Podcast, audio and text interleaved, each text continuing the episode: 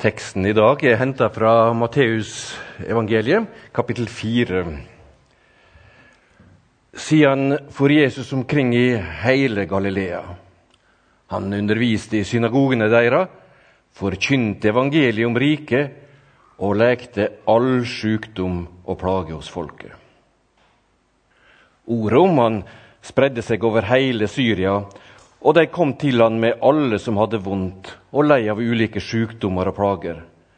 Både de som hadde vonde ånder, de månesjuke og de lamme. Og han lekte de alle. Ei stor folkemengd følgde han, fra Galilea og Dekapolis, fra Jerusalem og Judea, og fra bygdene bortenfor Jordan. Slik lyder Herrens ord. Jeg tenkte litt på det når jeg så denne siste delen i denne episoden. At eh, jeg har hatt et bilde av Jesus som bare helbreder, liksom bare med knipse med fingrene. 'Bli frisk, bli frisk.' Og så Ja, det var liksom ikke så mye med det. Men det er kanskje et aspekt her som eh, ja, ble en tankevekker for meg. Jeg vet ikke om dere husker da Jesus Det var ei kvinne som tok borti kappa hans, og så ble hun frisk. Og så sier Jesus 'Hvem var det som rørte med meg?' Og så var det liksom ingen som svarte. Det var jo så masse folk og sånn. Så sier Jesus jo 'Jeg kjente ei kraft gå ut fra meg'. Og Kanskje var det sånn at når Jesus helbreda, så var ikke det bare sånn Ja, du er frisk, du er frisk, du er frisk. Men det tappa han for krefter. Og at han var avhengig av påfyll fra sin far dag for dag. At han faktisk var så utmatta som denne episoden viste. Når han en hel dag hadde helbreda mennesker. Denne episoden handler jo mye om helbredelser. Folk står i kø, blir friske, springer bort og takker Gud. De siste to-tre månedene så har Kari og jeg mista tre gode venner på vår alder. Alle tre var syke. Vi ba for dem. Ingen av dem ble friske. Vi har to til på bønnelista vår som er alvorlige syke, men som eh, Ja, det ser ikke ut som det, de overlever dette her. Hvordan skal vi tenke om dette her med helbredelse? En tanke som jeg tror Kari har snakka en del om, det er jo at vi må ta vare på vennskap mens vi har det. For det er ikke sikkert hvor lenge vi har det. Men mer alvorlig og mer kanskje tankevekkende er jo dette med hva med helbredelser skjer det i dag? Jesus lekte all sykdom og plage hos folket, leste Oddbjørn. Og så tenker vi ja vel. Um, når vi ikke får svar? Hva når vi ber og vi ser en av våre kjære dø? Hvordan skal vi forholde oss til det? Og Jeg tenker jo da to tanker. Veldig enkelt. Det ene er at vi skal frimodig be om helbredelse. Slik som en har gjort for Finn, og jeg syns det var fantastisk å høre at det går bedre med Finn. Og vi skal frimodig tro at Gud kan gripe inn også i dag. Gjøre ting som vi ikke forstår, og som er utafor vår makt og utafor vår rekkevidde. Og Det er et privilegium tenker jeg, å få være i en kristen menighet der vi kan få lov å legge hverandre fram i bønn når noen er syke. Gjerne kalle til det seg de eldste. Gjerne salve med olje. Gjerne legge hendene på. Overgi dette til Gud. Og Det tenker jeg at vi skal være frimodige på, og vi skal oppmuntre hverandre til, og vi skal ha tru på. Og Så tenker jeg den andre tanken hvordan kan vi hjelpe hverandre, og hvordan kan vi forstå det når vi ikke blir helbreda? Hvordan kan vi komme til rette? Hvordan kan vi ha ei tru som held når vi ikke blir friske?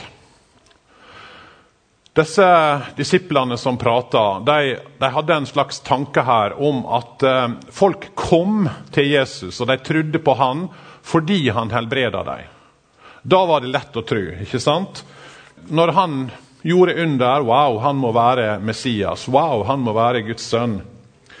Jesus han sa noe av det samme etter han hadde gjort brødunderet og delt ut uh, fisker og brød til 5000.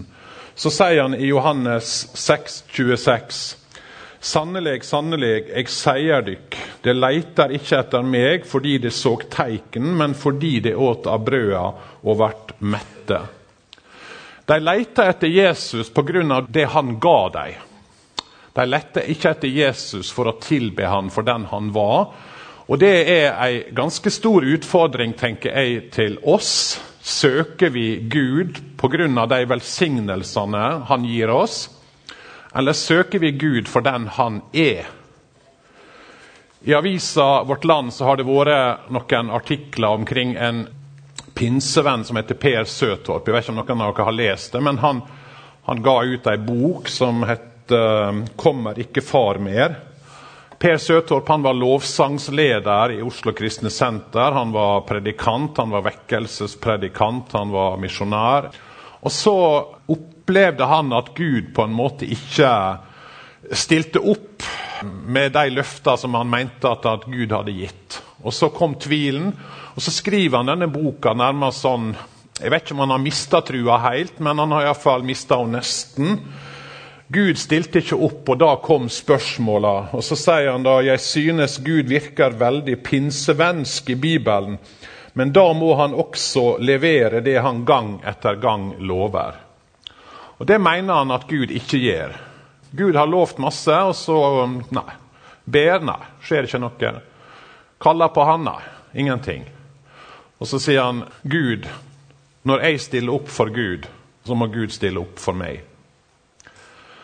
Jeg hadde en prat med en annen pinsevenn da, som mange av dere har lest om, Thomas Sjødin.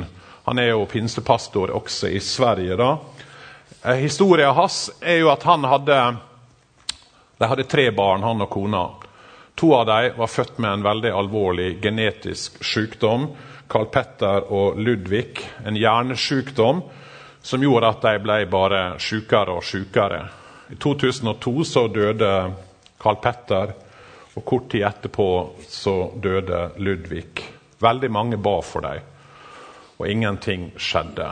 Og Så var jeg ute og spiste middag med Thomas Sjødin, og så begynte vi å snakke om dette her. Og Så sier jeg liksom at eh, du har jo på en måte gitt livet ditt til Gud. Blitt pastor. Ofra ganske mye. Har du noen gang tenkt at Gud burde stilt opp for deg og gitt deg da i alle fall friske barn, når du har gitt så mye for han? Og Så sa han det at jo, jeg har faktisk tenkt sånn mange ganger. Men, sier han, det er jo ikke sånn Gud er. Det er ikke sånn Gud er. Og Så hadde han slått seg til ro, og så har jo det han har skrevet, og de bøkene hans fått bety enormt masse for veldig mange. I Bibelen så ser du iallfall at den er full av klage. Og i Salmene 13 så står det:" Hvor lenge, Herre, vil du gløyme meg for alltid? Hvor lenge vil du gjøyme andletet ditt for meg? Og Dette er ikke bare ett eksempel. Dette er gjennomgående trekk i Bibelen. Mennesker klager, mennesker roper, mennesker sier til Gud 'Har du glemt meg?' 'Hei, jeg er her. Jeg har problem. Jeg har det vanskelig. Jeg er sjuk. Jeg er døden nær. Har du glemt meg, Gud?' Det er Bibelen. Philip Jensi, forfatteren, han skrev en artikkel som han kalte for 'Jesu ubesvarte bønner' der han skriver om de bønnene Jesus ber, og som ikke blir besvart.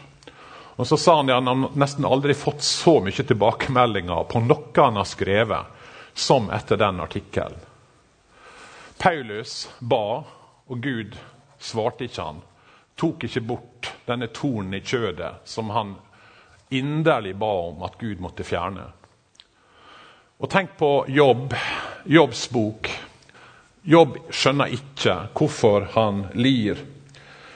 Søker vi Jesus pga. det han gir oss? Søker vi Gud pga. at vi vil ha hans velsignelser? Eller søker vi Gud fordi han er Gud? Han er den hellige, han er den allmektige, han er den evige. I Jobbs bok så er jo det på en måte Det store spørsmålet i Jobbs bok er ikke hvorfor lir vi? Det får ikke vi svar på når vi leser den boka. Men spørsmålet er vil Jobb tro på Gud også når han lir? Og Det Satan anklager Jobb for, og det er når, når Satan har et møte med Gud, så sier Satan til Gud ja, det er klart Jobb tror på deg. Det er klart han er en rettferdig og rettskaffen mann, for du velsigner han jo så masse. Ta fra han alle hans velsignelser, og se om han da fortsatt tror på deg. Det er grunnspørsmålet i Jobbs bok. Grunnspørsmålet når Jobb må lide, er vil Jobb forbanne Gud? Eller vil Jobb tro på Gud også når han lir? Hvordan møter vi disse vanskelige utfordringene? Kanskje er det vanskeligere i dag, for i dag bombarderes vi jo med tanker om at lykka i livet det er å være frisk og leve lenge. Du har nærmest krav på et langt liv. Reklamen forkynner jo at fordi du fortjener det. Og mange tenker at hvis Gud er god, og han er allmektig, så både bør han og er forplikta til å stille opp for oss når vi har det vanskelig. Hva skal vi si? Jeg har lyst til å bruke litt denne preika til det. Ikke snakke så mye om helbredelse og sånn, men hva når vi ikke blir helbreda? I Johannesevangeliet så gjør Jesus mange under. Det leser vi om. Og så har Johannes et uttrykk for det. Han kaller dem for et tegn. Han kaller undera for et tegn. Det er altså noe som peker ut over seg sjøl. Når Jesus gjør under, så peker det på et eller annet. De peker framover. For et par-tre uker siden så var teksten om ei krumbøyd kvinne. Hun hadde vært krumbøyd i 18 år. Sist søndag var teksten om en lam ved Betesta han hadde vært lam i 38 år, og Jesus reiser dem opp. Og Så sier Johannes dette er et tegn. Og Når han gjør det, så sier han noe om at hele verden er krumbøyd. Hele verden er lamma. Vi er innkrøkt i oss sjøl, sier Luther, når han snakker om vår synd og vår tilstand. Og Det som er Bibelen sin tanke, det er at alt gikk galt i syndefallet. Når vi snudde Gud ryggen, så gikk alt galt. Og Paulus han har et avsnitt i Romerbrevet der han prøver å beskrive konsekvensene av det som skjedde. Og hvordan situasjonen er for oss som lever her og nå. Han sier at for det skapte ble lagt under forgjengeligdom. Alt det skapte ble lagt under forgjengeligdom. Og Så sier han vi vet at helt til denne dag sukker og stønner hele skapningen sammen, som i fødselsrier. Også vi, sier han, vi sukker med oss sjøl og lengter etter å bli Guds barn helt og fullt når kroppen vår blir sett fri. Hva er det Paulus sier her? Han sier at eh, ikke bare vi mennesker, men hele skaperverket sukker fordi det ble lagt under forgjengeligdom når jordkloden, når dyrelivet, når plantelivet, når alt på en måte sukker, så er det fordi at det som skjedde, fikk konsekvens for hele Guds skapning. Underlagt forgjengelighet. Det betyr at kroppene våre sakte og sikkert forfeller. Noen av oss merker det tydeligere enn andre. Jeg var på skitur i Trondheim og datt. Og Da måtte den ti år gamle barnebarnet mitt, Anna, hun måtte hjelpe meg opp igjen. Og Det var jo en litt sånn nederlag, men det forteller noe om at det, ja, kroppen vår, kroppene våre forfeller. Sykdom og død nærmer seg for alle. Og I dette sukker vi, og så stønner vi etter forløsning, sier Paulus. Når Jesus reiser opp mennesker, krumbøyde og lamme, så er det et tegn på at han kom for å rette opp alle lamme og alle krumbøyde og alle som ligger nede. Jesus kom for å reise oss opp. Og Så står det i Kolosserbrevet at i dåpen ble det gravlagde med Han. Der ble det òg oppreiste med Han, ved trua på Guds kraft han som reiste Kristus opp fra de døde. Han gjorde dykk levende sammen med Kristus da han tilgav oss alle våre misgjerninger. I dåpen ble vi reist opp. Er ikke det en fantastisk setning? Reist opp til et nytt liv. Et nytt fellesskap. En ny verden i Guds rike. Der det en gang fullt ut skal bli oppreiste mennesker. Og så er altså helbredelsene som Jesus gjør, det er tegn. Guds rike er kommet. Det var det Jesus sa når han forkynte. Guds rike er kommet nær. Og så opplevde mennesket glimt av det gjennom Jesus, som reiste opp de fattige, og som helbreda lamme og krumbøyde, og som møtte mennesket med tilgivelse og nåde. Denne helbredelsen i Syria, alle som kom, er et tegn.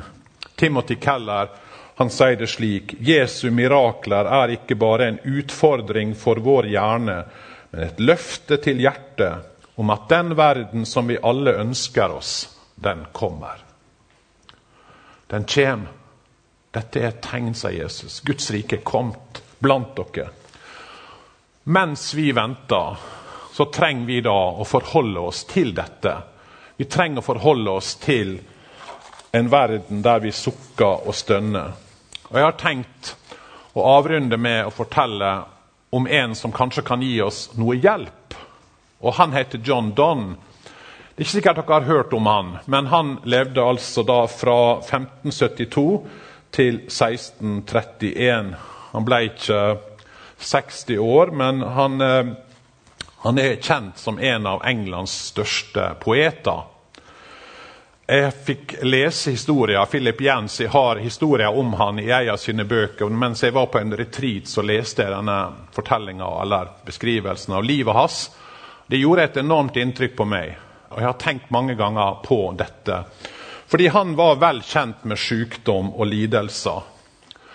Faren døde når han var fire år. Familien de var katolikker, det var forbudt den tida. Du har ikke lov å praktisere dette livet ditt eh, som katolikk. da. Og Derfor fikk ikke han da, fordi han var katolikk, så fikk ikke han eksamen ved Oxford, enda han utmerka seg på alle måter. Broren han ble satt i fengsel fordi han hadde skjult en katolsk prest. Og Både broren og denne presten de døde av mishandlingene i fengselet. All denne uretten og alt dette her gjorde at eh, John Donne han tok avstand fra trua. Han levde et vilt og utsvevende liv. Den perioden så skrev han noen av de mest erotiske dikta som er utgitt i engelsk litteratur. Men noen år med utsvevende liv så skjedde det en omveltning i John Donne sitt liv. Både når det gjaldt tru og livsstil. Han møtte ei ung jente som heter Anne Moore. Og hun kom inn i livet hans som ei solstråle og berga han. De gifta seg, men faren til Ann Moore var utrolig imot dette ekteskapet, så han sørga for at både presten som vigde dem, og John Donne ble kasta i fengsel. Hvis dere har dårlige svigerforeldre, så kan dere jo trøste dere med at uh, de ikke kasta dere i fengsel, i alle fall. Det gjorde svigerfar til John Donne. Og Han sitter altså i fengsel. Mens han sitter i fengsel, så skriver han et av sitt mest triste dikt. Og Hele diktet er sånn John Donne, Andon, Andon. Tilintetgjort. Fri fra fengselet, men svartelista overalt, så fikk han seg ikke jobb. Og I nesten ti år så levde han og Anne Anda i den ytterste fattigdom, mens de fikk stadig flere barn Anne hun var plaga med depresjoner og holdt på å dø i barsel flere ganger. John var sjøl prega av fengselsopphold og hadde konstant hodeverk, magekramper og gikt. Og Hans lengste skriftlige verk i denne perioden det var et essay om fordelene med å begå sjølmord. Han meldte seg da inn igjen i Church of England og blei etter mange år ordinert som prest, men året etter han fikk jobb da, som prest, så døde Anne. Før det så hadde de begravd fem av sine barn. Han holdt sjøl begravelsen for Anne, og da tok han utgangspunkt i klagesangene Lo, I am the man that had seen affliction. Jeg er den mannen som har opplevd lidelse. I 1621 ble han prest i St. Paul i London. Og Da kom også den store pesten til London, The Great Plague. Og bare i London så døde en tredjedel av befolkninga. En tredjedel av befolkninga flykta. Bare en tredjedel var igjen når pesten var over. Og Folk flokka seg til St. Paul-katedralen for å høre John Donne. Kanskje fordi han snakka på en måte som en mann som hadde blitt prøvd. Og folk trengte trøst. Og så blir han sjøl sjuk. Han får alle symptom på pest. Og det betyr jo da i praksis at livet hans er slutt. Mens han er sjuk, så skriver han da ei bok, 'Devotions', som vi kan kalle for åndelige tanker. Ei slags dagbok. Liggende i senga sikker på at han kommer til å dø, så kjemper han med Gud, og så skriver han ned disse tankene sine. Og Da skriver han om frykt. Og det kan vi jo kjenne oss igjen i. Frykten når legevisitten kommer. Frykten når prøvene er sendt inn og vi venter på svar. Frykten for smerte. Og John Donne han klarte ikke å bli fri denne frykten. Han kjente på den hele tida. Og Så fant han ut at han skulle lese gjennom hele Bibelen, alle ord om frykt i Bibelen. Og det gjorde han. Og Gradvis så demra det for han at livet vil alltid inneholde omstendigheter som gjør at vi frykter. Om ikke det er sykdom, så er det økonomiske problem. Om ikke det er fattigdom, så er det avvisning. Om ikke det er ensomhet, så er det mislykkethet. I en slik verden, tenker John Donne, har vi to valg. Enten å frykte Gud eller å frykte alt annet. Og John Donne han bestemmer seg for jeg vil frykte Gud. Og Da oppdager han at frykten for alt det andre gradvis forsvinner. Fiender? Nei. Gud kan overvinne dem. Svolt? Nei. Gud kan gi meg det jeg trenger. Død? Nei. Gud har seira over døden. Han innser at sann gudsfrykt utsletter all annen frykt. Så tenker dere kanskje ja, men frykt, er ikke det et fryktelig dårlig ord? Skal vi være redd for Gud? Men gudsfrykt i Bibelen er ikke å være redd for Gud. John Donne han prøver å beskrive det sånn. Han bruker bildet av kvinnene som går til grava og som opplever denne voldsomme hendelsen, Jesu oppstandelse. Når de har opplevd dette, her, så står det at de springer fra grava med frykt og stor glede. Frykt og stor glede. Frykt fordi Gud er den allmektige, han er den voldsomme, han er den som har all makt. En ærefrykt for denne Gud, og samtidig en stor glede. Og Så forandra John Donne på sine spørsmål. Han begynte med å spørre hvorfor Gud. Etter hvert så snur han spørsmåla til en reaksjon. Hvordan er min reaksjon på dette? Vil jeg stole på Gud midt i dette som skjer? Eller vil jeg vende meg vekk fra Gud i bitterhet og i sinne? Og Han bestemmer seg for at han vil stole på Gud midt i alt. Mens han ligger der, så hører han kirkeklokkene ringe. Og så skriver han det kanskje det mest berømte av alt i engelsk litteratur. Hvem er det klokkene ringer for? Jo, de ringer for deg. For ingen menneske er ei øy. No man is an island. Og Der skriver han man begynte å reflektere over livet. Hvordan har jeg levd? Ikke hva er meninga med lidelse, men hva er meninga med livet? Hva er meninga med helsa Gud har gitt meg? Hadde jeg brukt den til å tjene Gud, eller bare til mitt egen nytelse? Og Så oppdaga han at gjennom denne nøden og lidelsen så hadde han vokst åndelig. Prøvelsene hadde rensa han fra synd, utvikla karakteren. Fattigdom hadde lært han avhengighet av Gud og fridd han fra grådighet. Mislykkethet og offentlig uthenging hadde befridd han fra stolthet og ambisjoner. Og så oppdaga han et mønster, sier han. Lidelser kan bli omdanna og forvandla. Lidelse som ikke blir fjerna, kan tjene som redskap for Gud. Så langt John Donne. Og så sitter vi her. Så veit ikke jeg hvordan jeg vil reagere den dagen jeg får prøvesvar som er, ikke er god. Og jeg veit ikke hvordan du vil reagere.